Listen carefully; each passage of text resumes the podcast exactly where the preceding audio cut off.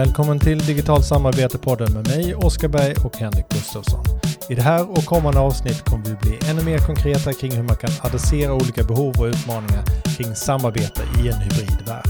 Och vi börjar med det som vi kallar för Workplace Awareness, eller medvetenhet om vad som händer på våra arbetsplatser och i de sammanhang som vi samarbetar. Själva grundplattan för allt samarbete. Återigen, välkommen!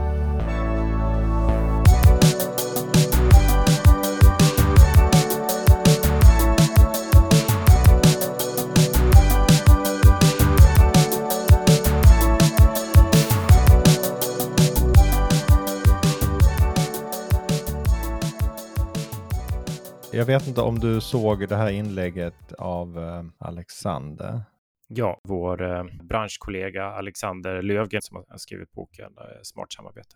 Jag skrev ju ett eh, debattinlägg i Dagens Industri. Konflikten om distansarbete beror på förlegade verksamhetsformer. Mm. Och eh, sen delar han det på LinkedIn. Men då, då, var det ett inlägg som jag reagerade på. Det var inte så att jag eh, sa emot det här, men på något sätt försökte ett försök att nyansera det här med ändrade arbetsformer, att det kan vara knepigt att lösa det här. Jag tog han upp det här med ur agila manifestet, eh, som, där den säger att the most efficient and effective method of conveying information to and within a development team is face-to-face -face conversation det är som en tumregel eh, för att man inte ska vara fler i teamet än att man kan sitta runt ett bord och se alla i ögonen eller som Amazon då. Teamen ska inte vara större än att man kan dela en pizza ihop, en stor pizza då. Och han eh, lyfter det här med att det blir svårt på distans, att teamet kan bli mycket mindre då, eh, för att det är mycket svårare att titta på varandra i ögonen och ha face to face med flera personer online, alltså i ett videomöte som Teams eller Zoom. Och det, det finns ju en poäng i det. Va? Min kommentar var ju då att man ska liksom vara försiktig när man tolkar de här eh, tumreglerna. För det första är det ju tumregler. Det är ju inget så här som säger att vi måste göra det här, utan helst ska vi göra det här för att det är det bästa och mest effektiva sättet. Men i den här tumregeln så står det att det är face-to-face conversation som är det bästa sättet att göra det.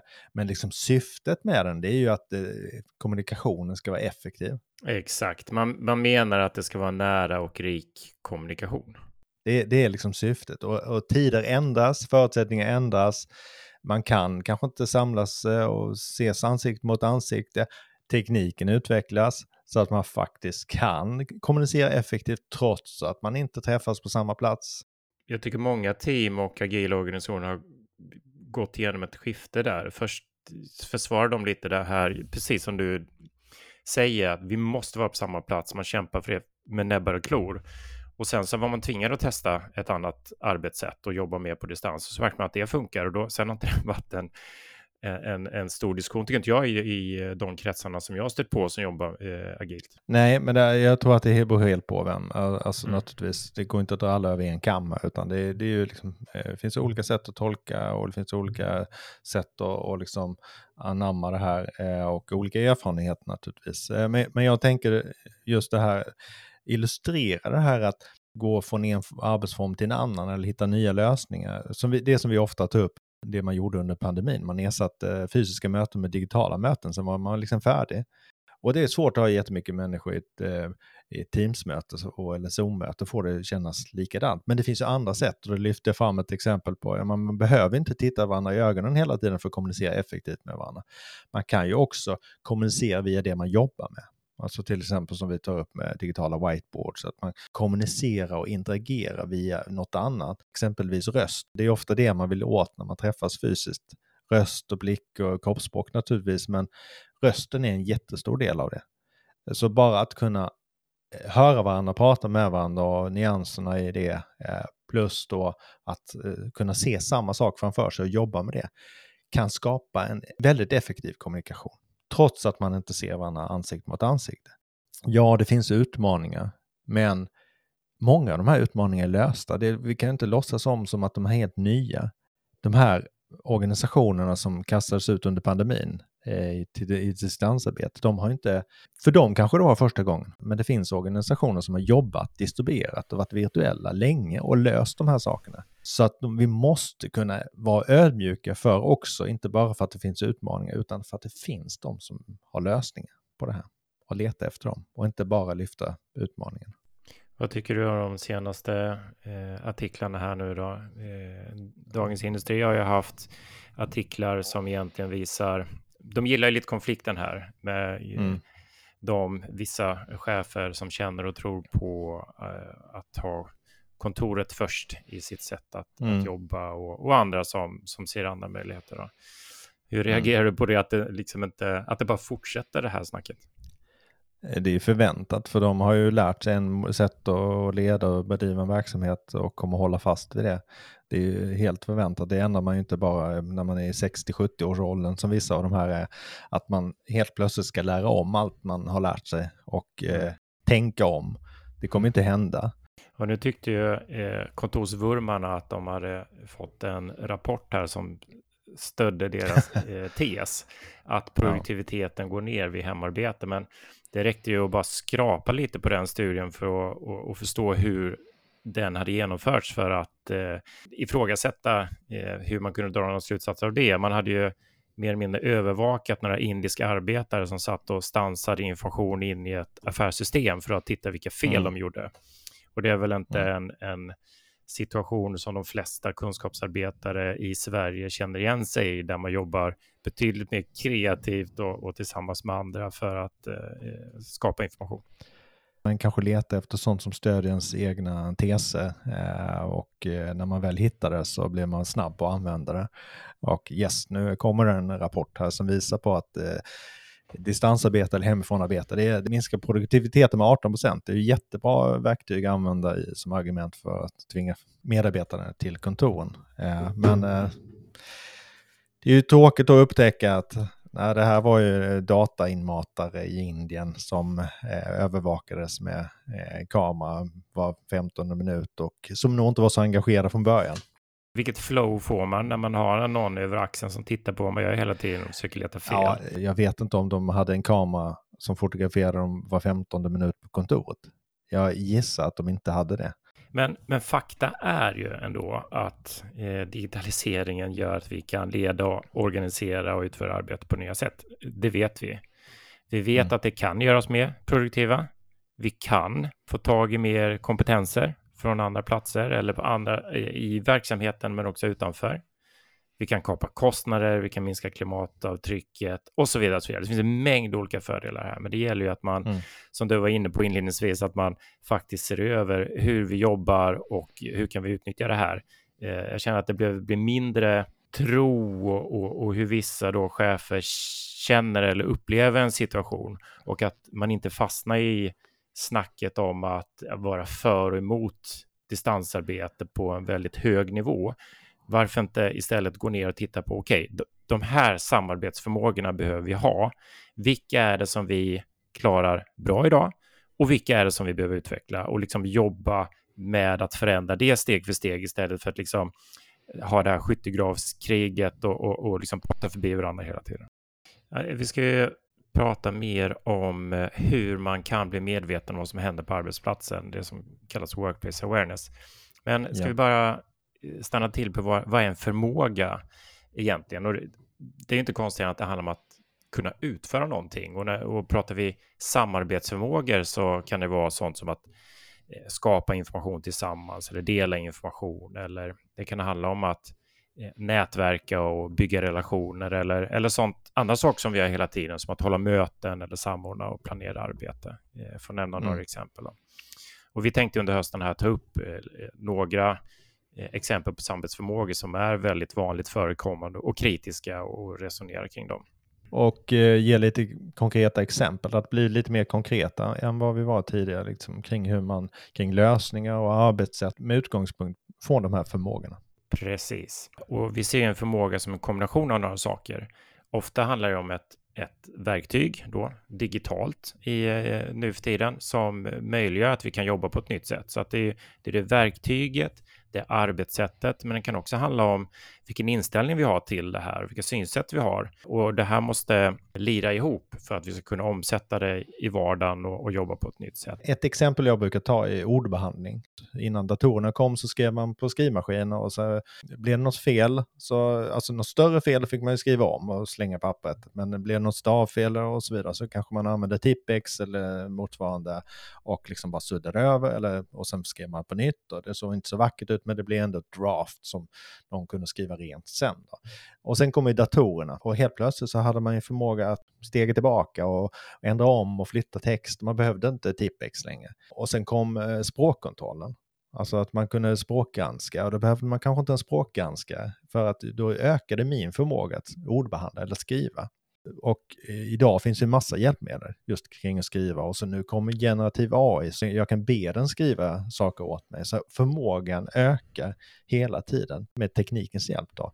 Men det kräver ju också förändringar i processer som jag nämnde att vissa roller försvinner men också min kompetens måste utvecklas. Jag måste lära mig använda datorer och lära mig de nya funktionerna och nu när AI kommer så behöver jag kanske tänka på ett annat sätt när jag skriver än och vara mer kritisk och utveckla de delarna snarare än en förmåga att eh, skriva grammatiskt korrekt och så vidare. Ja, jättebra exempel.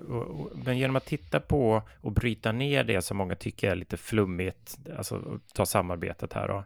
Genom att bryta ner det till ett antal viktiga förmågor så får vi en struktur för att planera och driva förändring.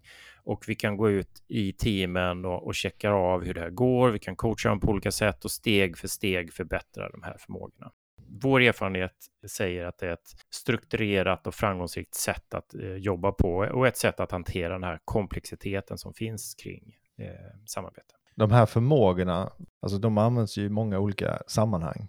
Utan det här är någonting som vi behöver nästan allt vi jobbar med. Så att eh, stärker vi de här förmågorna så är det inte så att det bara är liksom en process som förbättras, utan vi förbättrar över hela linjen. Det är därför vi gärna pratar om eh, behovet av att utveckla förmågorna. Det är bra och det är, det är verkligen värt att trycka på att i och med att de här förmågorna används om och om igen i väldigt många olika sammanhang så ger ju även en liten förbättring i en sån här förmåga en väldigt stor aggregerad effekt. Vilket jag yes. också argumenterar för att, att jobba mer med förmågor. Men när det gäller just att vara medveten om vad som händer på arbetsplatsen så är det en, det är en klassisk eh, utmaning. Den har ju alltid funnits, att veta vad som är på gång, vem som gör vad, vem som kan vad, vad det pratas om, vad som händer i olika mötesrum och så vidare. Så att det är ingen eh, egentlig utmaning som har kommit eh, nu, men man kanske har blivit påmind om den på ett annat sätt när vi under pandemin behövde jobba mer på distans och man helt plötsligt saknade sånt som man tagit för givet. Korridorsnack och, och snacket vid eh, mm kaffeapparaten som exempel. Nej, precis. Medvetenhet om vad som händer, eller workplace awareness, är inte någonting som vi kanske har tänkt, funderat så mycket på tidigare när vi har samlats på samma plats. För det är ju ett av skälen till att samla människor och resurser på samma plats. Då har vi ju koll, eh, i alla fall på, i sitt eget team och på sina närmsta medarbetare, de man jobbar med, om de sitter nära så får man ju det här lite på köpet. Man överhör saker, man, man kan prata eh, med varandra direkt, man kan ha, eh, sätta upp saker på väggarna så man eh, ser samma saker. Alltså man kan använda omgivningen för att skapa den här medvetenheten om vad som händer. Och som du var inne på, när vi då splittras så, så försvinner de här lösningarna som vi, vi är vana vid. Eh, och vi tänker kanske inte på att vi har använt dem. Därför blir det ju ganska naturligt att att om det där inte funkar, ja men vi går tillbaka till kontoret. Alltså där funkar det ju, i alla fall inom teamen. Så funkar det och sen hade vi lite korridorsnack. Mm. Eh, och det vi vill prata om är ju naturligtvis att, att vi måste lyfta det här behovet och se vad är det egentligen vi behöver för någonting. Att vi behöver skapa lösningar för det här och att det finns andra lösningar än nödvändigtvis att samla alla på samma plats eh, i samma rum, vilket är omöjligt för en stor organisation.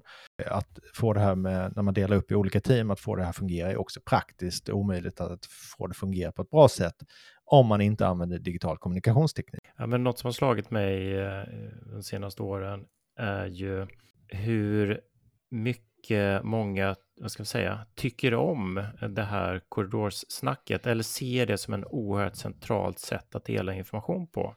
Men om man också analyserar det lite så, så är det ju otroligt slumpmässigt vilken person du råkar stöta på och om den personen råkar ha information som är användbar för dig. Så att det är ett mm. väldigt osystematiskt eh, sätt att, eh, otroligt ineffektivt sätt att dela information på i en, i en vanlig eh, organisation. Men det har ändå gjort, eh, även om det är ineffektivt, så har man ändå fått vissa fördelar av att eh, nätverka och springa runt och prata med folk jämfört med andra då, för att man lyckas ändå snappa upp någonting. Eh, träffytan är väldigt, väldigt, väldigt liten. Och, och gemene man får nog inte ut så mycket av korridorsnacket. Alltså folk som jobbar med, liksom sitter vid sina skrivbord och har mycket arbetsuppgifter eller jobbar i sitt team. De har inte tid att springa i korridorerna så jättemycket. Och eh, där är det mer chansartat. Men tänk nu, om du som ledare i en organisation samlar dina närmsta chefer och, och deras eh, underställda nära dig.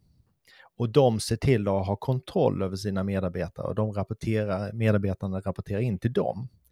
Då aggregeras en väldig mängd information på de här cheferna och ledarna. Så om de springer förbi varandra i korridorerna, alltså tänk dig som högsta ledare, alltså jag förstår varför många eh, alltså top management i många organisationer vurmar för kontoret. För de får reda på väldigt mycket, både via mötena, liksom inplanerade möten, men också korridorsnacket. Den klassiska hierarkin. Det vet vi att det är ingen effektiv, eh, inget effektivt kommunikationssystem. Vi vet ju att det händer massa saker ute i verkligheten som aldrig når de korridorerna.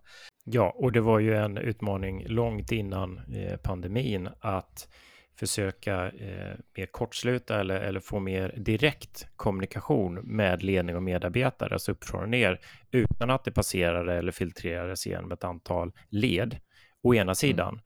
Men sen också naturligtvis kommunikation på tvären, eh, medarbetare emellan och mellan teamen, som inte heller så att säga, den klassiska hierarkin eller det traditionella sättet att jobba eh, löser. Det här med att samla folk på samma plats och så vidare och ha dem närvarande. Det handlar kanske mer om känslan av kontroll än faktisk kontroll. Att känslan av att man vet vad som händer kan vara väldigt viktig. Eh, men det viktigaste är ju naturligtvis att man verkligen vet vad som händer. Och ju fler som vet vad som händer, ju, ju fler som delar samma bild av vad som händer, desto bättre förutsättningar får vi att samarbeta. När vi alla i team eller i organisationen har samma information och vet vad som händer, då kan vi ju på ett helt annat sätt förstå vår del i det här. Vad är det jag ska göra? Vad är det någon annan ska göra? När är det min tur att bidra? Det blir ju enklast att förklara när vi kommer in på ett team, tror jag. Alltså när vi börjar den här lilla skalan i ett team. Om vi bara jämför lite, så att säga, traditionella sättet att eh, dela information och få, och få koll på vad som händer på arbetsplatsen, så har vi det fysiska mötet, att arbeta samma plats. Eh, det har vi redan konstaterat att eh, det är inte särskilt effektivt och det är väldigt svårt att utföra eh, idag också. Nej, men eh, om man tar det ideala, alltså möten är ett sätt, det har man ju ofta med personer som är på andra ställen eller man inte sitter nära för att samordna och alltså uppdatera varandra om vad som händer och så vidare. Men om du tar ett team, det här teamet som kan dela på samma pizza, som kan se varandra i ögonen, som det här agila teamet som då har bästa möjliga förutsättningar för kommunikation, effektiv kommunikation, för att de sitter tillsammans och är tillräckligt få. Det är ju det ideala. De behöver inte ha möten. Väldigt få har möjligheten att arbeta så.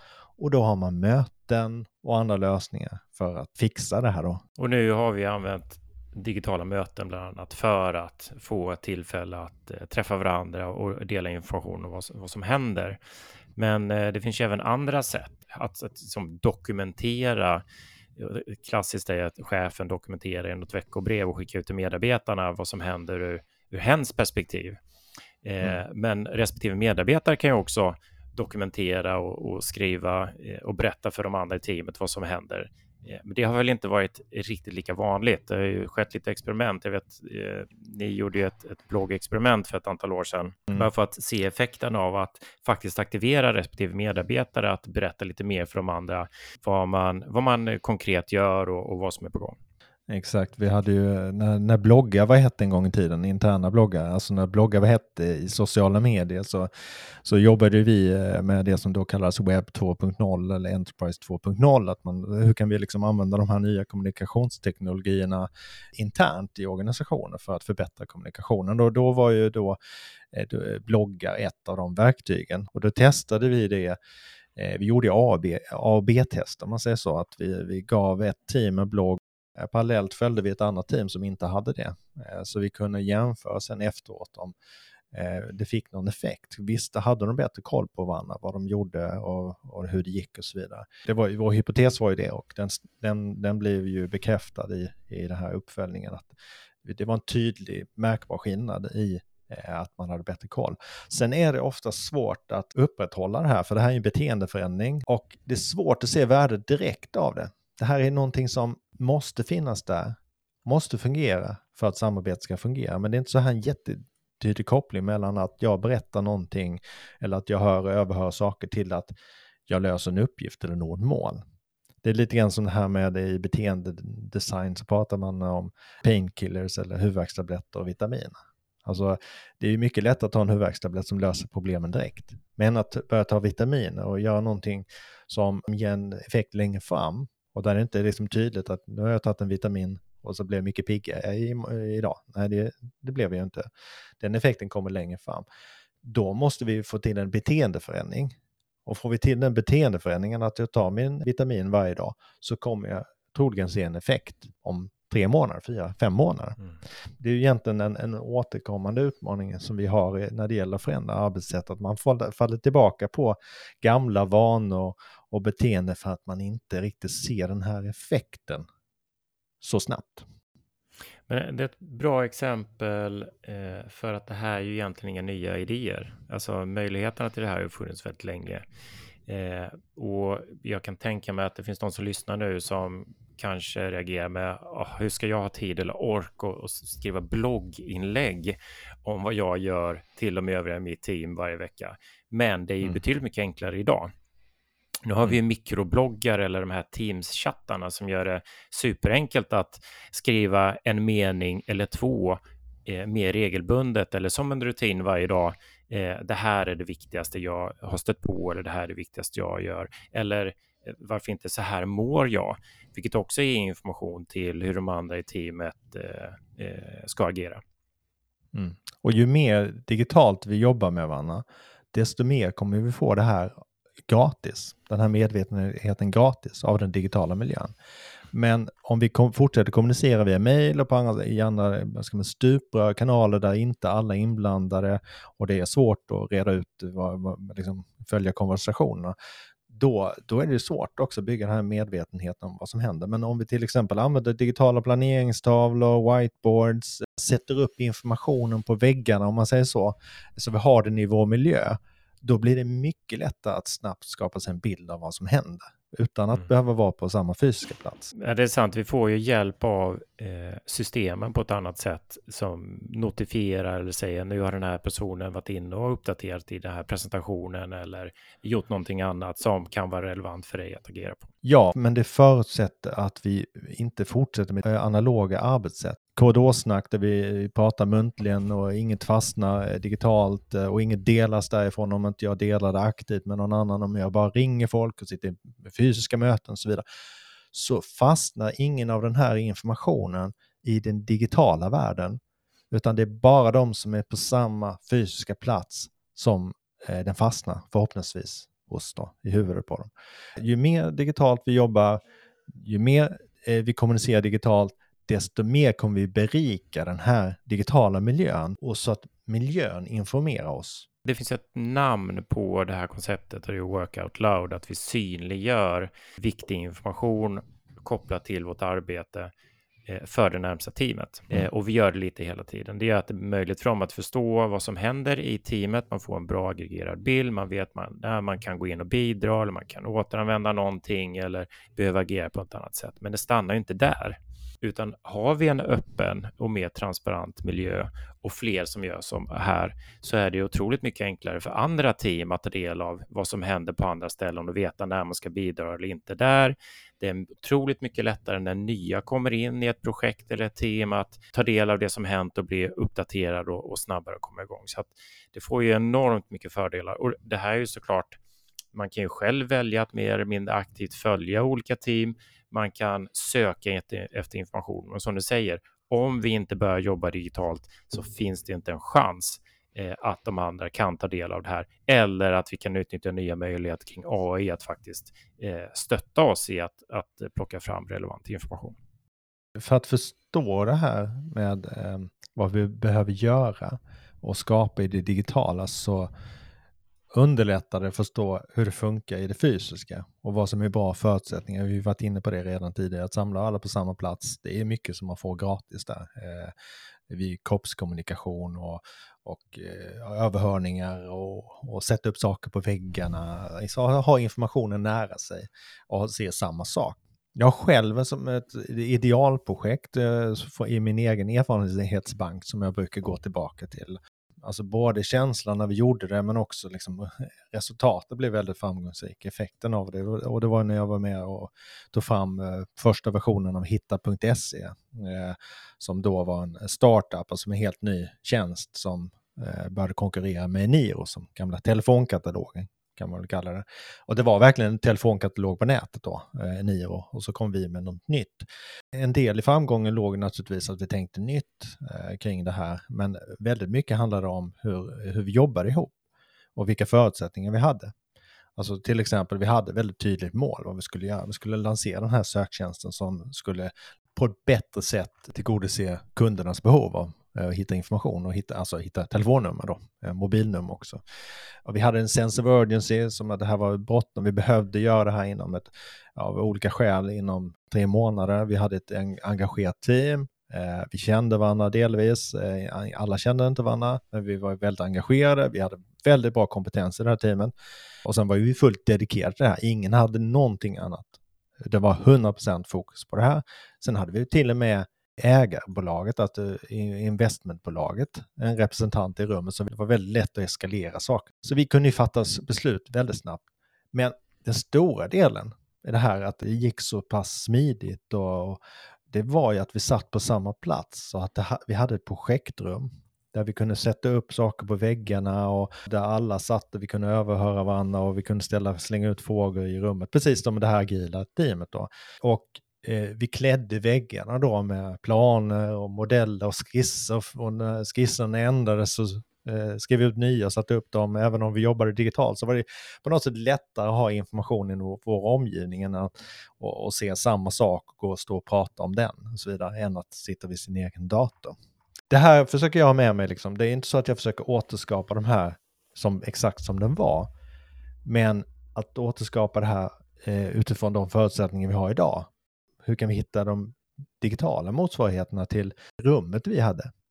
Och i ärlighetens namn så är det väldigt få team som har de här förutsättningarna eller ens i närheten av de här förutsättningarna. Men som ändå har väldigt höga krav på sig att prestera och samarbeta och så vidare. Projektrum till exempel, hur många har det? Eh, hur många är fullt allokerade till projekt? Realiteten idag är att man inte har de förutsättningarna. Då kan man inte på något sätt förlita sig helt och hållet på platsen och lösa det här åt oss då måste vi jobba digitalt. Ja, vi använder ibland eh, metaforen att vi vill skapa känslan av det lilla företaget i eh, de stora organisationerna. Exakt. Eh, och med det menar vi känslan av att det är lätt att, att hö, överhöra vad som pågår och vad, vad, folk gör. Man ser det väldigt tydligt. Det är lätt att dra, ta tag i någon och börja spåna kring ett problem eller en utmaning. Eh, man tar en kopp kaffe eller går in till den där, går, ställer sig vid whiteboarden och, och börjar skissa loss på någonting. Man vet vilka resurser man har tillgängliga som du är inne på. Liksom förutsättningarna är ändå ganska givna. Och ska vi skapa den här känslan av att kunna överhöra, att kunna bidra, att kunna vara kreativa tillsammans med, med rätt personer i den stora verksamheten, ja, men då måste vi använda digitala verktyg. Och det var väldigt mm. dumt av oss att inte göra det, för vi vill ju få den här flexibiliteten och, och kreativiteten och, och, och det här engagemanget. Och vi har ju enorma möjligheter. Det här informerande omgivningen som vi pratade om. Alltså att man, man ser samma sak och vet vad som händer. Och eh, det är ju en anledning till att jag och du också vurmar för det här med digitala whiteboards eller samarbete, alltså olika platser där vi kan dela eh, information på ett visuellt och konkret sätt. Vi ser samma sak och vi kan återvända till det och eh, vi behöver inte sudda ut det för att vi lämnar rummet eller vi måste inte ta oss till en fysisk plats för att kunna se det, utan det är väldigt lättillgängligt. och vi kan alla se samma sak. Det räcker liksom inte med Teams, om man säger så. Man kommer en bit med Teams och skriver inlägg och så vidare, men man behöver också den här informerande miljön där man ser det framför sig. Många har ju ändå klivit över i någon slags eh, hybridvärld nu, även de som vill ha kontoret som den centrala arbetsplatsen. I mm. praktiken är det ju väldigt många där som, som rör på sig hela tiden, eller är hos kunder eller partners eller hemma och så vidare. Men då gör man inte den här förflyttningen fullt ut. Att man bygger en digital plattform som möjliggör att eh, se och höra och jobba ihop med varandra oberoende av plats. Utan man hamnar i något slags mellanläge där det fortfarande är mer kraftfullt, jag får tillgång till mer information, jag har eh, bättre möjlighet att bygga relationer ju mer tid jag har möjlighet att eh, vara på kontoret. Vilket mm. inte är särskilt jämställt eller eh, utnyttjar den samlade kompetens man har på, på ett bra sätt. Jag tror att eh, det, beror på hur man ser det här med hybrid, eh, hybrida arbetssätt. Jag tror att eh, många ser det som en kompromiss. Att, att vi kan behålla det gamla och sen kan vi släppa in lite av det nya. Och det du egentligen säger är att vi behöver se det som en transition, en transformation från det här gamla där vi inte jobbade digitalt till ett nytt läge där vi jobbar digitalt. Och då kommer det inte spela någon roll om vi jobbar på distans eller på plats, utan vi har en större frihet att välja. Vi kan jobba hybrid. Vi kan jobba på kontoret allihop alla dagar. Vi kan jobba helt på distans. Vi kan välja den modell som funkar för att vi har skapat oss den friheten genom att jobba digitalt. Och fortfarande är, finns det då en, ett sätt att liksom man hoppas på att man kan behålla det här gamla arbetssättet och bara släppa på det lite för att kanske för att medarbetarna vill ha det och så vidare. Men så ser man ju inte behovet från verksamheten. Vi måste få kommunikation och samarbete att fungera mycket bättre för förutsättningar ser inte ut som de gjorde för 50 år sedan där man kunde samla alla på samma plats. Man hade problemen naturligtvis med att man var många och behövde dela upp sig i grupper och få, få hierarkin att hantera den här kommunikationen. Men världen var ganska statisk, man behövde inte så mycket samarbete kors, de här funktionerna, tvärsfunktionerna. Och då kunde man liksom klara sig väldigt bra med bara genom att befinna sig på samma plats. Men så ser inte världen ut i någon organisation idag i princip. Utan samarbete måste ske tvärs. Man måste lösa saker tillsammans. Man kan inte sitta nära alla som man behöver samarbeta med hela tiden. Det är inte möjligt. Och lösningen är ju då att jobba digitalt. Börjar vi där så blir det här med kontoret, hybrid, hur många dagar i veckan eller så, det blir nästan en icke-fråga. Det blir mer, handlar, handlar mer om att vill vi träffas och har vi någonting som, där vi verkligen vill utnyttja platsen för att skapa mer värde eller ja, men då gör vi det. Bra. Ska vi vara nöjda? Jag har mer att säga, men eh, jag håller tyst. så det är något mer att säga. så, jag tror det räcker. Ja, han var bra. Ja. Tack Henrik. Tack för idag.